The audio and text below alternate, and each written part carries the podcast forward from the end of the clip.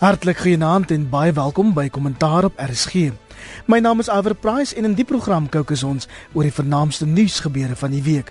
Op die paneel vanaand rapport se redakteur Waldemar Pelser en twee van die land se voorste politieke ontleeders, professor Amanda Gous van Universiteit Stellenbosch en Dr Piet Kroukamp van Universiteit van Johannesburg. Jy is welkom om my op Twitter te volg en jou mening oor die sake van die dag te tweet.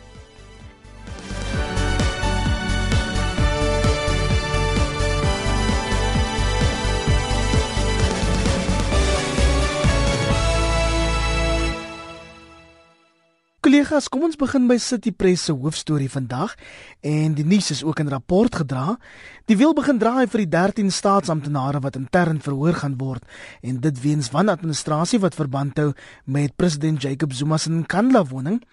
Nou Waldemar, dis 'n stap in die regte rigting, maar nou is daar ook vrae oor advokaat Tuli Madonsela die openbare beskermer se verslag. Iwer is baie interessant die spesiale ondersoekeenheid het ehm um, 'n uh, ondersoek gedoen na Nkandla en die president het deurgangs volgehou dat hy sal reageer op die openbare beskermer se verslag sodra die spesiale ondersoekeenheid se bevindinge bekend is. Uh, nou verskeie ondersoeke is nog steeds aan die gang, maar daar's nou stappe wat ge, wat beoog word, lyk dit vir ons om 13 middelvlak amptenare, ons weet nie presies wat hulle range is nie, te vervolg weens tender onreëlmatighede en dis meer wat in Kanada betref. Daar's nog steeds geen amptelike kommentaar van die president natuurlik op die openbare beskermer se verslag nie. Sy word net soos wat die geval is by die SAIK, ehm um, soos 'n stopstraat geïgnoreer.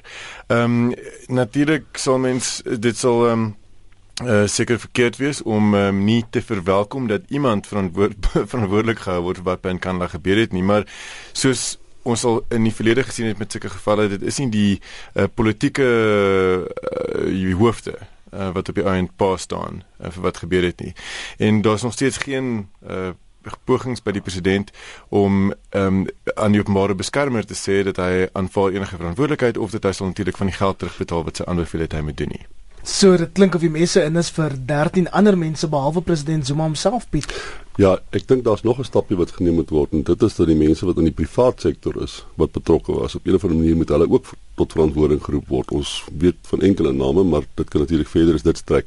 Dis eers wanneer hulle begin omsien maar die privaat sektor mense ook aan te kla wat ons kan verwag dat daar 'n bietjie skynboonte sal dryf dat mense in hulle eie uh, verdediging ter wille van hulle eie verdediging natuurlik alreeds goed kan sê oor die inkomste gesprekke wat met die president moontlik selfs gehad het ensovoorts. So hierdie is net die een klein stapie, dis 'n versigtige stapie deur die staat en deur die regering of deur die departement in 'n poging om so om seker te maak dat daar nie die, die nie blik warms oopgemaak word nie. En ek sal nie verbaas wees as nee. hulle met van hierdie staatsamptenare een of ander ooreenkomste aangaan en sê kyk kerels, ons gaan julle skuif na 'n ander plek toe.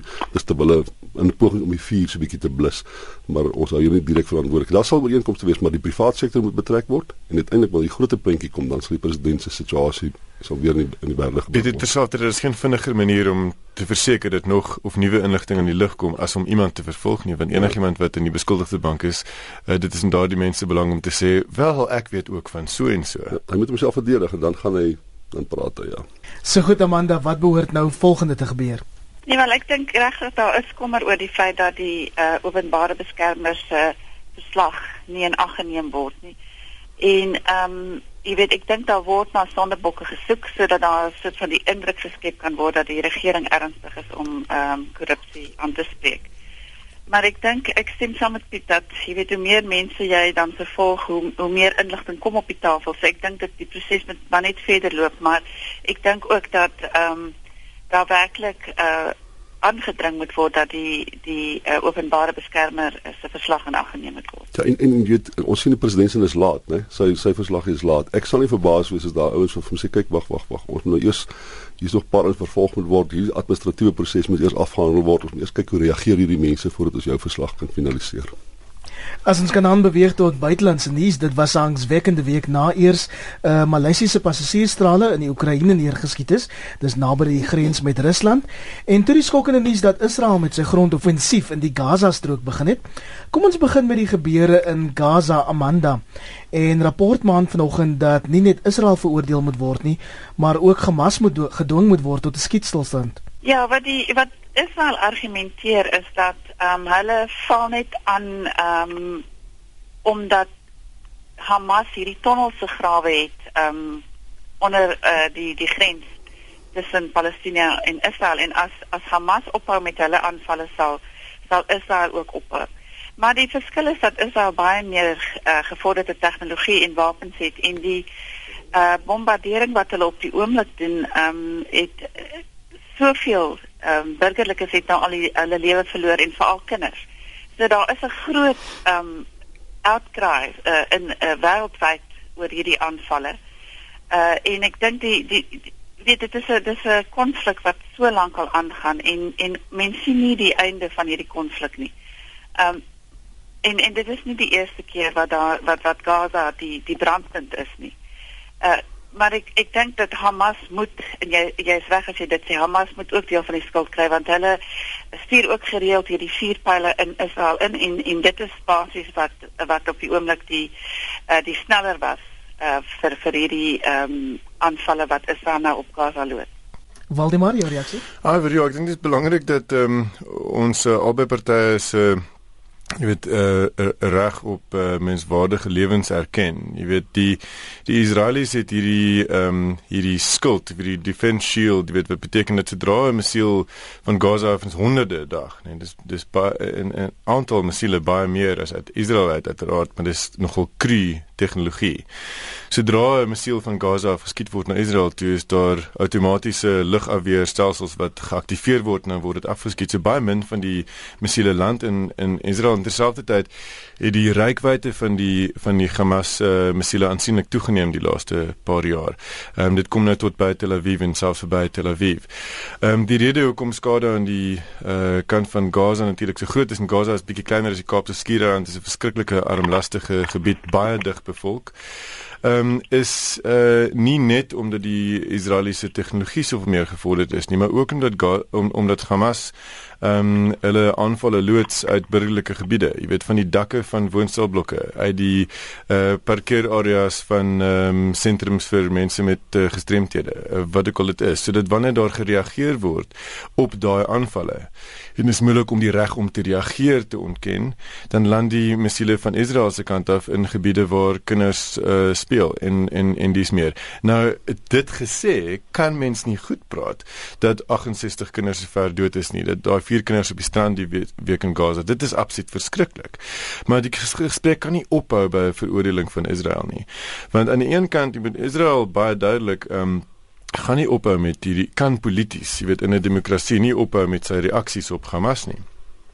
Maar geen van die partye erken in die stadium van Israel se kant af die reg op 'n Palestynse staat nie. En van die kant van Hamas erken nie Israel se reg daarop om hoegenaamd te bestaan nie.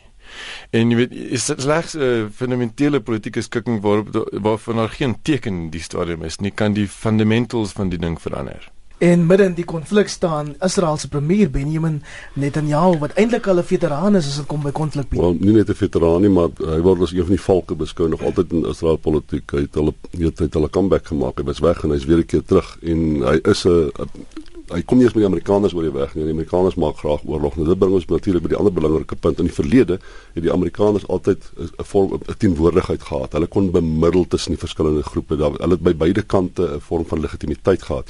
Hierdie keer sien ek is Bankie Moon wat uh, wat eintlik maar die die die die tou moet vat en voor voorstap wat vrede betref. Maar die interessante ding is van die konflik uh, wat in ander areas bestaan soos Egipte speel in op Israel konflik. Daar's nou groepe in Egipte byvoorbeeld wat ten gunste is van Israel se aanval op Palestina. Dis met ander woorde, dit word nou amper 'n streeksverskynsel of jy kan dit minstens noem in die, in die hele Arab wêreld is daar nou verskillende opinies oor die legitimiteit van wat wel gebeur in die situasie van van van van Israel in in hierdie proses. So op 'n geopolitiese konteks is dit 'n baie baie interessante verskynsel, maar ons vergeet 'n bietjie, jy weet, in hierdie week wat verby is, dat daar meer as 100 mense nog steeds in Sirië dood is. Daar's meer as 100 mense dood in Irak en ons fokus so op wat in Israel gebeur wat heeltemal reg is.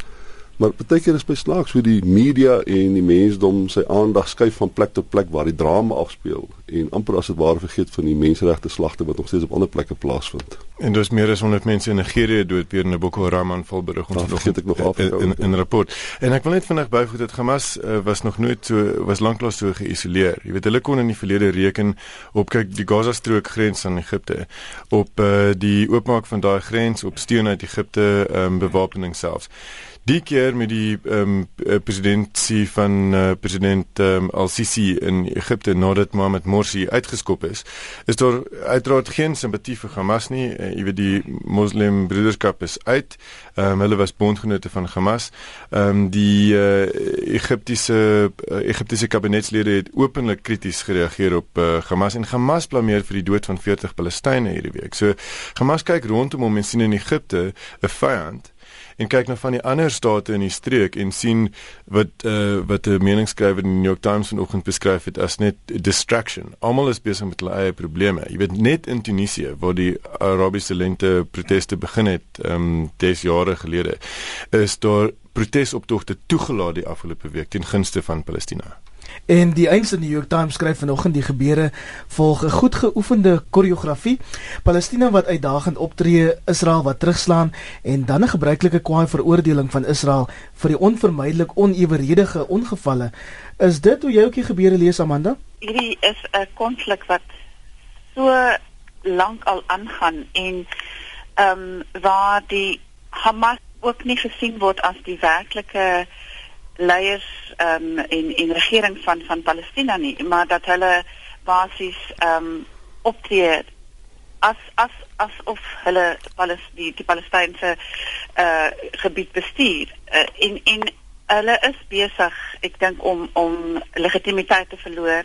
Hulle is baie ge, geïsoleer en wanneer Israel dan optree dan is dit natuurlik ehm um, gegee die hele situasie in die Midde-Ooste ehm um, word daar blame gelê by Israel, maar daar's blame aan albei kante en ek dink die enigste oplossing is as daar 'n uh, erkenning gegee word aan 'n Palestynse staat. Ehm um, in in waar die grense vir Palestina oopgemaak word. Ek meen mense in Palestina kan nie reis nie, hulle kan nêrens gaan nie. Hulle kon nog na is uh, na Egipte toe gegaan het, maar daai grens is ook toe um, op die oomblik en hy, hy, hy is verlede week uh, vir 'n rukkie oopgemaak en toe hy weer toegemaak. Ehm um, so mense daar het nie 'n uh, werklik 'n bestaan nie um, in in die sin van 'n uh, 'n 'n menslikheid rondom uh, die die lewenswyse uh, van mense. Ehm um, maar daar sal altyd die vrees by Israel wees dat dat die hulle bure Palestina hulle sal uh, jy weet binneval omdat hulle nie uh, die die reg van van Israel uh, om te bestaan aanvaar nie. So so solank as wat daardie situasie nie opgelos kan word, kan ek nie sien hoe daar vrede uh, in die Midde-Ooste rondom Israel en Palestina kan wees. Solank as wat jy uh, um, oorlog maak as jy Israel is, dat jy captive audience in die Palestynë, wil hulle spesifiek die see nie in jou omring, maar die, die ander belangrike ding vir my is, is net so 'n bietjie van ironie wat my baie keer plaas vir baie baie jare het die Palestynë eintlik geen paramilitêre of militêre kapasiteit gehad nie. En nou dat hulle so 'n soort van 'n gemas ontwikkel oor tyd. Nou skielik nou nou nou, nou kan ons nie meer praat meer van die Palestynë as net slagoffers nie. Hulle is nou eintlik waardige beskermers of opstanders vir hulle bepaalde saak. Nou is dit asof daar so 'n bietjie van 'n stigma daarin is aan die feit dat hulle self kan beskerm. Stem jy saam, Waldemar? Wel ja, ek, ek bedoel ehm um, dit is uh, mens kan van geen uh, volk of mense ook verwag om natuurlik net daar te sit en te wag vir die volgende volgende aanval nie, maar soos wat vroeër uitgewys is, die Israeliese aanvalle is telkens 'n reaksie op iets, né? Nee? En dit was in die geval 'n reaksie op die moord op daai drie Israeliese tieners.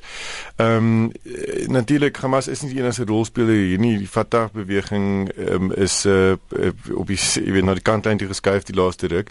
En die probleem is net hier, ons sien dit ook natuurlik in die geval van hierdie vliegtuig wat nou afgeskiet is. Dit is sogenaamde jy weet non-state actors. Jy weet wat baie van die van die uh optrede hier doen. Jy weet Hamas is nie 'n staat nie. Dis nie 'n regering nie. Dis ook nie 'n verkose ehm um, 'n verkose organisasie nie. Ehm um, en jy weet mense moet op 'n manier mense om 'n tafel kry wat mandate het van die mense van van van mense om te onderhandel. Jy weet van Israel se kant af is dit maklik om te dink hoe dit sou gebeur. Jy weet wie dit sou wees in elk geval.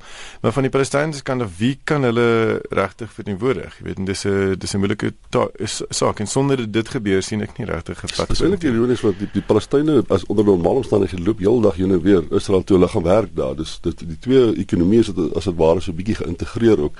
Maar jy nou kan jy 'n stelsel 'n autoritaire stelsel van amper van pas beheer en die manier waarop hulle hanteer word is aan daai kant is en partykeer hoe, hoe die Israeliese polisie optree en soldate optree teenoor vrouens en kinders Arab vrouens en kinders en Palestynse vrouens en kinders waar hulle die grens kruis waar hulle te naby aan die grens kom ensovoorts.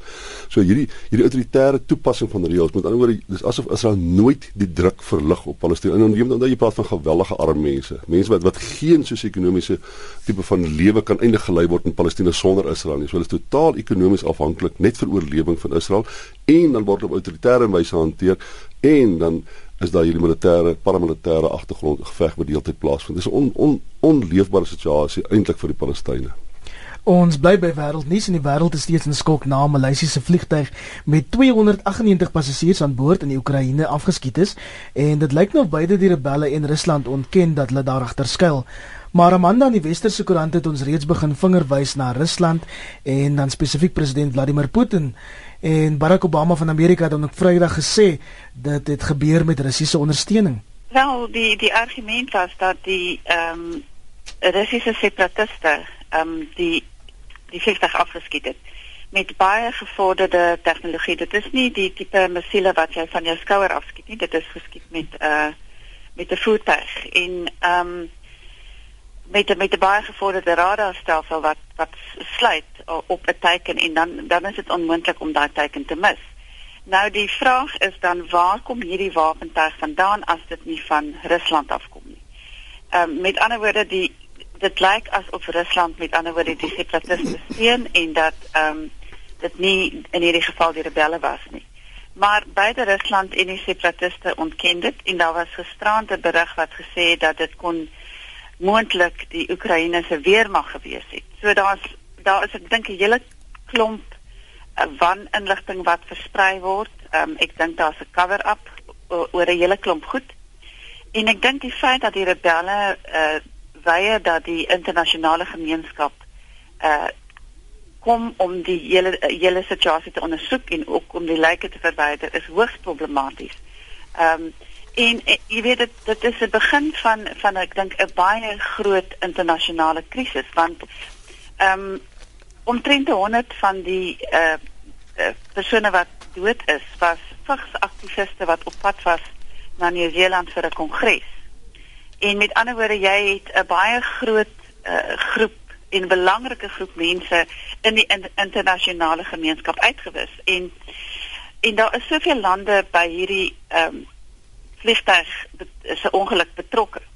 Ehm um, dat dat dit 'n internasionale krisis is en ek dink dit is wat die wêreld nou al vir 'n hele lang ruk gesê het dat dat uh, hulle verwag van Rusland om verantwoordelikheid te neem om hierdie krisis op te los. Uh en en die te ontken, die vir Putin om te ontken dat hulle enige aandeel het maar ook om te basies nie te sê dat daar iets gedoen gaan word aan die situasie nie. Ek dink dit is die ding wat die internasionale gemeenskap vreeslik kwaad maak. Dis eintlik 'n bizarre situasie want daar word nou ook fisies met van die liggame op die toneel gepeter en ons weet dat Amerika 'n dag voor die aanval Waldemar sanksies teen Rusland verskerp het en Europa het soortgelyke maatreëls ingestel. 'n Mens is nogal bekommerd waarheen lei dit alles. Ja, maar ironies genoeg in die week voor die aanval het president Putin van Rusland aanduidings gegee daarvan dat hy sy posisie miskien 'n bietjie sou versag wat betref die ooste van Oekraïne. Ehm uh, maar mens moet hom nooit ernstig opneem wanneer hy sulke vriendelike geleide maak nie. Ehm um, daar was uh, daar's die week geskryf dat 20 jaar gelede in 1994 toe hy die uh, onderburgemeester van Moskou was. Ehm um, het Putin by 'n konferensie, ek dink dit was in Sint Petersburg, op die verhoog geklim en gesê dat Mense moet besef dat alle Russies sprekende mense in die wêreld beskou hy as Russe, ongeag watter paspoort hulle gebruik. Jy weet net Rusland kan nie net van sy grondgebied ontslaa raak nie, ensovoorts ensovoorts. Hy het verwys na die Sowjetrepublieke wat onafhanklikheid gekry het. En Putin glo nog altyd dat die Russies sprekende wêreld, jy weet, moet onder Moskou se invloedsfeer bly. Nou ja, wat het nou gebeur? Hier is hierdie rebelle wat gesteun word en bewapen word deur Rusland en ons gaan nie sê na bewering nie, dis 'n feit. Ehm um, wat waar waaroor daar nie doeltreffende soos die Engelse sou sê command and control is uit Moskou nie. Dis nie asof eh, die rebelle daar gestaan het donderdagmiddag met oorvoetjies in hulle ore en gesê het ons gaan nou 'n burgerlike vliegtuig afskiet nie. Maar met met Russiese wapens en dit is hoe dit nou lyk. Ehm um, het hulle vir die derde keer daai week besluit om 'n vliegtuig af te skiet. Die derde keer in daai week. Ehm um, vroeër die week is 'n Illusions uh, 72 wat 'n uh, reus groter as 'n 777 'n reuse vragvliegtuig is afgeskiet. En ook 'n Antonov ehm um, 26 en uh, op die donderdagmiddag daar's die rebelle. Hulle hierdie wapen hierdie boek uh, missiel lanseerstelsel het pas oor die grens van Rusland afgekom. Die rebelle het op sosiale media daarmee gespog dat hulle in besit van so 'n stelsel is. Baie dom hulle die tweets toe later verwyder. Ehm um, en hulle het toe onderling gespog by mekaar ons het net 'n vliegtuig afgeskiet. En Ek glo hulle het gedink dis 'n militêre vliegtuig. Geen rede om te om te glo dat hulle gedink het dis Malaysian Airlines nie. Want ons het vandag hierdie uh, dialoog in die koerant wat uh, ook die laaste paar dae op TV is tussen rebelle leiers wat sê ja ons het dit afgeskiet. En so hoe lyk dit? Wat gaan aan op die grond? En hy sê wel ehm um, hier's baie vroue en kinders. En dan sê die ander maar is daar wapens? En sê nee daar's geen wapens nie. Daar's is guidebooks vir Bali en seker tipe goed. En hoe hulle geleidelik agterkom die verskriklike fout wat hulle gemaak het. Ehm um, en hoe later al die bewyse verwyder van sosiale media dat hulle beskik het oor hierdie wapens en die opportunisme van Moskou om met hulle propaganda monster Russia Today te verkondig dat Vladimir Putin se vliegtuig kort voor die uh, eh, MH17 vlug van Malaysian Airlines oor die gebied gevlieg het asof om te suggereer dat die rebelle dat dat die Oekraïense weermag eintlik vir Putin wou afskiet is absoluut belaglik en niemand glo dit meer nie. So die die die narratief het baie gedraai die laaste paar dae. Daar's daar's 'n aanname redelik wyd versprei dat hierdie rebelle het ontsettende fout begaan met Russiese wapens. En so vir Putin moet baie versigtig wees. Ek bedoel, jy weet maar hy is, hy is straffeloos. Jy weet hy het hy het geen vrees vir enige reaksie van die weste. Ehm um, selfs al sou dit blyk dat hy van geweet het nie kyk hierdie hierdie gesprek oor wie skuldig is en uh, wat aanleiding gegee het tot hierdie situasie maak my eintlik moeg omdat daar soveel veranderlik is nee maar daar's 'n ander aspek wat my verskriklik pla is en dit is ons het ons geweldig baie goeie intelligensie oor hierdie tipe van konflikgebiede die Amerikaners weet dit nie die areas aangaan ons weet vir 'n geruime tyd dat die rebelle het bepaalde soorte van wapentuig daaroor is daar nou nie illusies nie hoekom is die lugruim bo Oekraïne nie toegemaak al lank al nie. Dit is omtrent 'n hoë weg vir vliegtye wat daar oor gaan. En jy weet dit was nie baie moeilik geweest waarskynlik om om om om daai area te vlieg nie.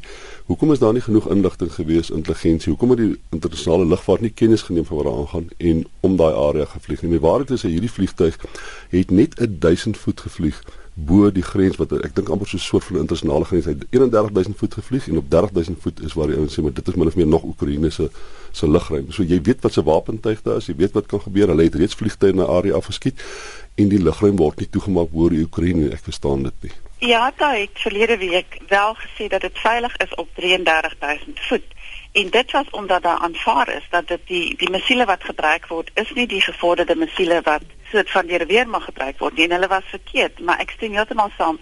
Daar moes geen burgerlike vliegtye toegelaat ge gewees het om oor daai lugruim te ja, gaan. Ja, hierdie het op 31000 voet gevlieg, né? Wat al nog steeds onder die 33000 is. As jy dalk laat bens ingeskakel het, jy luister na kommentaar op RSG. Ons praat volgende oor die Seriti kommissie van ondersoek na die wapentransaksie en die nuus is die week oorheers deur oud-president Thabo Mbeki se getuienis.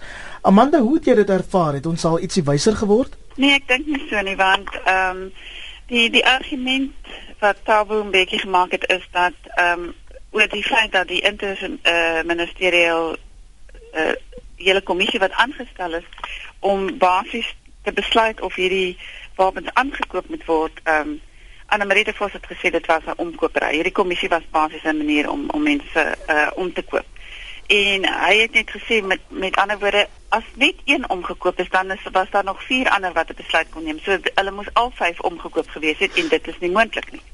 Ehm um, maar hy het geen ehm um, basies uh verantwoordelikheid aanvaar vir vir die besluite wat geneem is in sy tyd nie. En ons praat van 'n 'n situasie wat nou al 16 jaar lank aangaan. Uh die feit dat Renay Talia die boek daaroor geskryf het as die DA uh lid van die parlement wat betrokke was by die wapenaankope um up in arms uh die feit dat Andrew Feinstein in sy boek uh, daaroor geskryf het met ander woorde daar is baie inligting van die uh proses en hoe hoe problematies die proses was en hoe die kostes geeskaleer het.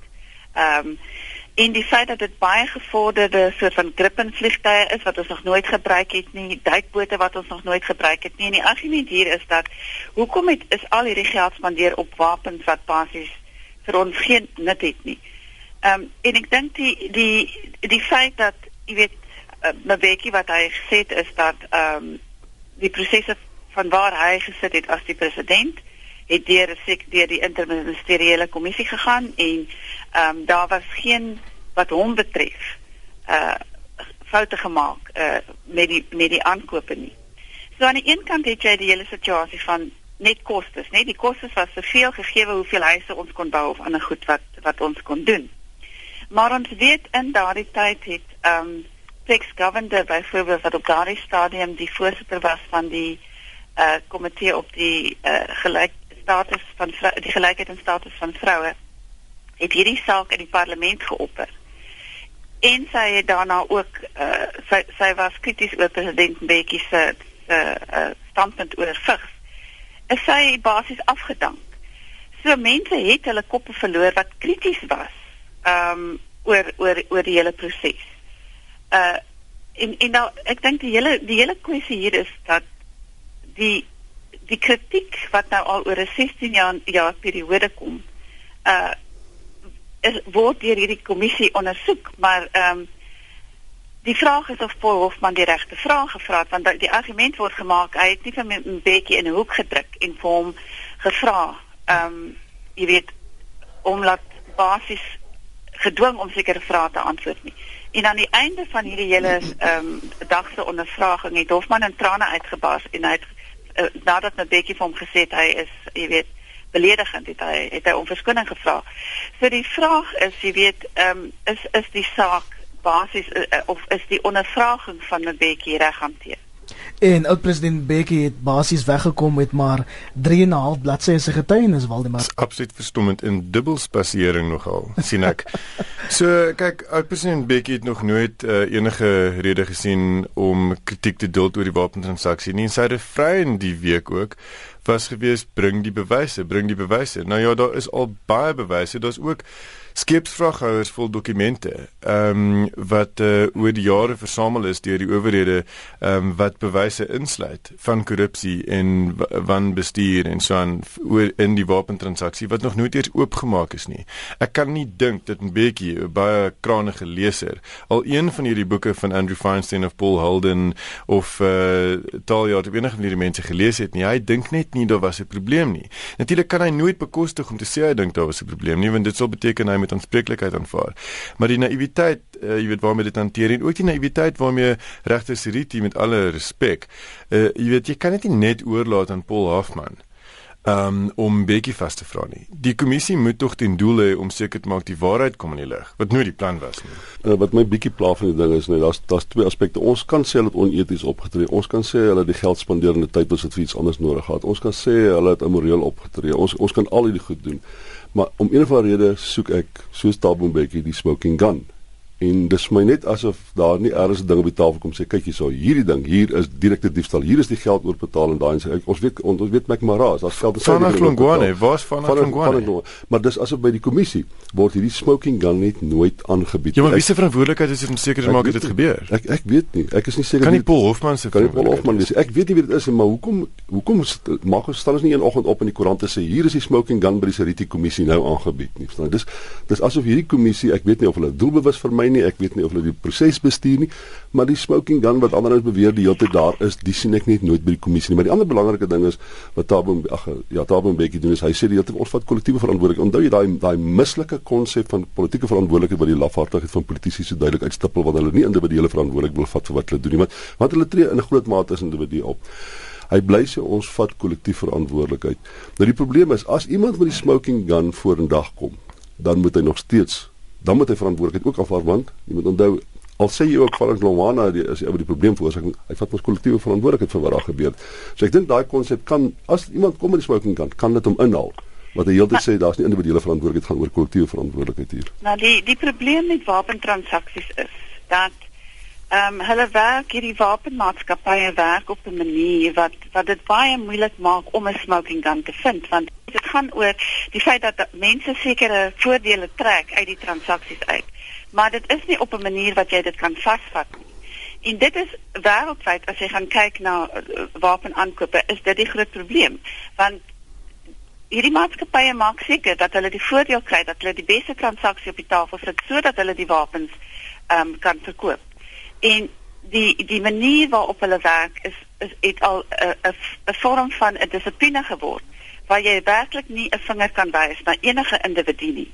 En ek dink dit is wat wat die groot prentjie hier is is dat 'n mens moet gaan kyk na na wat wat maak wapenmaatskappye hoe hulle werk hoe gesofistikeerd hulle werk ehm um, en veral met regerings wat minder gesofistikeerd is in terme van die aankope van wapens En ek dink as ons net vir 'n oomblik kan teruggaan na hierdie wapens wat nou in die Oekraïne gebruik is. Meer en meer gesofistikeerde wapens word ontwikkel met wat meer dodelik is as enige ander tyd in ons geskiedenis. En die feit is dat van hierdie wapens beland in die hande van mense waaroor daar geen beheer is nie. En ek dink dit is die ander saak waaroor ons ons moet bekommer is dat daar ook geen verantwoordelikheid geneem word wanneer so iets gebeur nie maar dit het geweldige implikasies vir almal van ons se lewens. Uh, uh soos ons nou gesien het met onskuldige mense wat basies uh, op op reis was ernstig. Kollegas, ons moet ons moet aanbeweeg. Dit was 'n week van drama by die SAIK na die Afrikaanse TV-nuusbulletin na SABC3 verskuif is en toe beeldse onthullings dat Claudia Motsoeneng, die openbare uitsaaier se bedryfshoof, sy matrieksimbole in sy aanvanklike werk aansoek vervals het. En vanoggend lê die Sunday Independent by die nuus Die goeie nuus dat die einste meneer Motsoneng die SAIK wil omdraai tot 'n 10 miljard rand organisasie. Ons gaan moet opsom Waldemar. Jou reaksie. Iwer so dat mense in die SAIK en buite voormalige raadslede wat sê dit was nie eintlik 'n probleem dat Claudie Motsweneng nie matriek gehad het nie want almal het geweet. Hy het hom steeds op 'n bedrieglike wyse gesê dat hy 'n matrieksertifikaat het op sy aanvanklike aansoek. Ehm um, hy het 'n rekord van inmenging redaksioneel ook by die CDFM en daarna, jy weet by by onafhanklike journalistiek.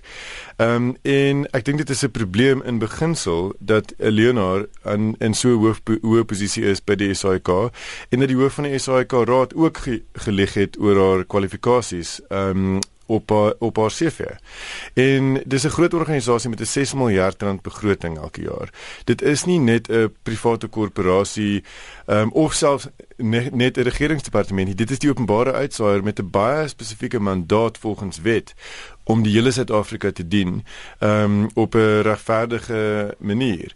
En oor die skuif van die Afrikaanse nuus wil ek net dit sê is dit ironies genoeg kan mense in die Noord-Kaap waar daar baie mense is wat eintlik maar net Afrikaans kan verstaan nou nie meer is hy gou tiefenies kyk nie. Ehm um, en uh, is nou uh, aangewese op radio, dankie tog dit is nog daar.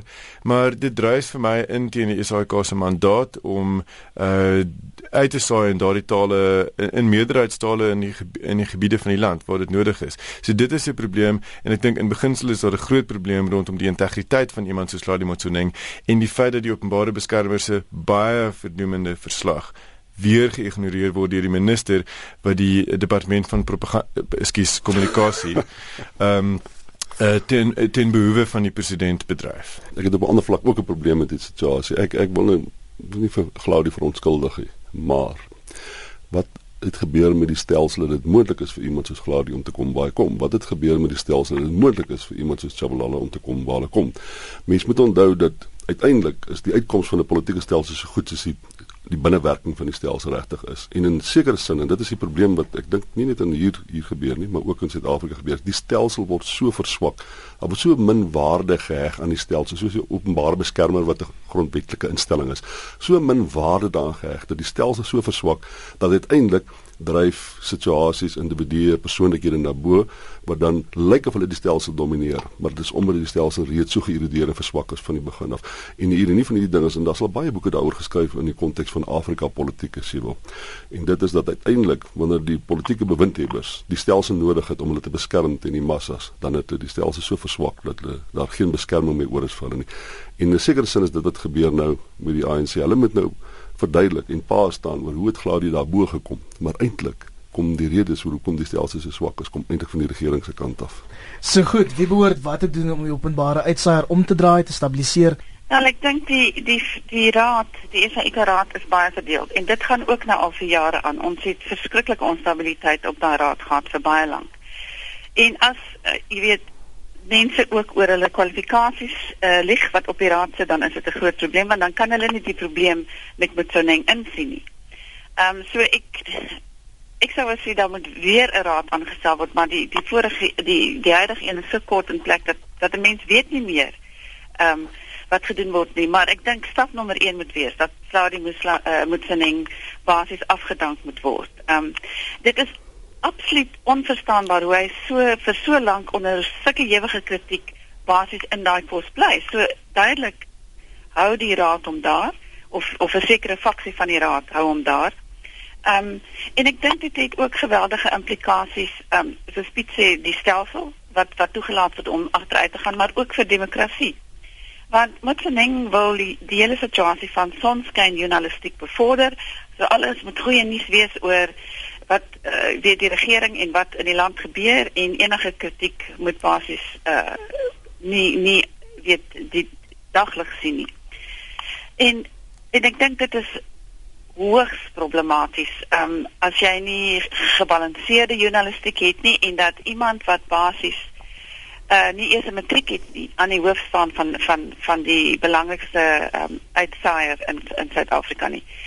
So ja, uh, en die feit dat die die ehm um, openbare beskermers uh, verslag geïgnoreer is. Ek dink die verslag moet ter tafel geneem word en moet verning moet afgedank word net ter verdediging van SAIK nie. Ek bedoel as mens luister na uh nuus bulletins of kyk na TV nie, 70% van die nuus is nie so ons kan journalistiek nie. So dit is dalk iets wat Gladie gesê het ruk gelede, maar dit is nie geïmplementeer nie. En net tweedens die raad kan nie van Gladie ontslaa raak nie. Hulle is heeltemal magteloos. Uh vorige raad Februarie laas jaar um wat van hom ontslaa geraak het, is 3 weke later ontbind. Want wat die ANC net doen en ironies genoeg gebruik die ANC nou die sogenaamde onafhanklikheid van die raad om te sê ons kan nie inmeng met die raad se besluit om hom aan te stel uh, in in 'n permanente posisie as COO nie.